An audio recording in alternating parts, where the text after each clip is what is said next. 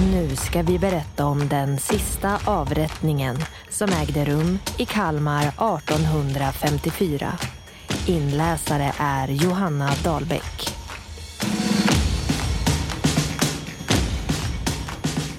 Den 31 oktober 1854 färdas Johan Bank, som är dömd till döden för mord, till Galgbacken i Kalmar.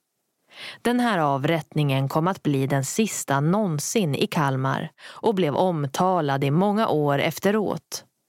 Men inte bara för att det blev den sista eller för att det var en förhatlig mördare som skulle få sitt straff utan för att ytterligare en man, oskyldig till brott, var nära att stryka med.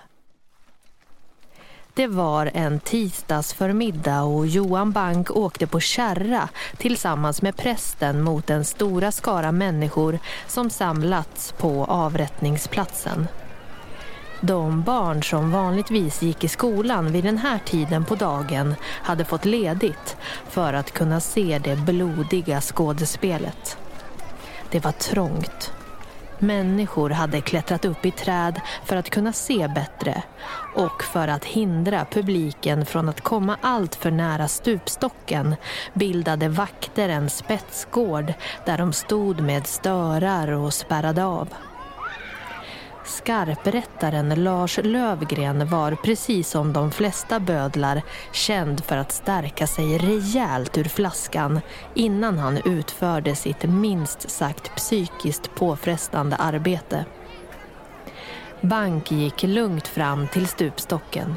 Han tackade nej till att få ögonen förbundna och kunde föra sig själv, böja knä, höra människornas sus och vimmel omkring honom. Lövgren träffade direkt. De som klättrat upp i träden runt omkring svimmade och föll till marken av det de såg. Bland åskådarna fanns Claes Didrik Prin, en hantverksmässigt utbildad kirurg som rakade och åderlät, skar upp bölder, amputerade armar och ben, stillade blödningar och mycket annat. Det fanns på den här tiden en föreställning om att blod från en halshuggen kunde bota epilepsi. Och fältskärare fick ibland tillåtelse att ta vara på blod från avrättningar just därför. Så länge de bett bödeln om lov innan. Idag hade Prin med sig en skopa med långt skaft för att försöka få fatt på den halshuggnes blod till sitt apotek. I ivern över att få tag på detta magiska botemedel hade dock Prin just glömt detaljen att fråga Lövgren om lov. Så när han utan förvarning stack fram skopan blev Lövgren så förnärmad att han rusade efter Prin med bödelsyxan i högsta hugg.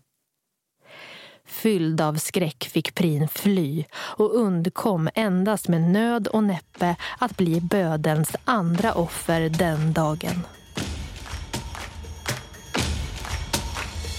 Ljudberättelsen är producerad av Destination Kalmar i samarbete med Storyspot och Region Kalmar län.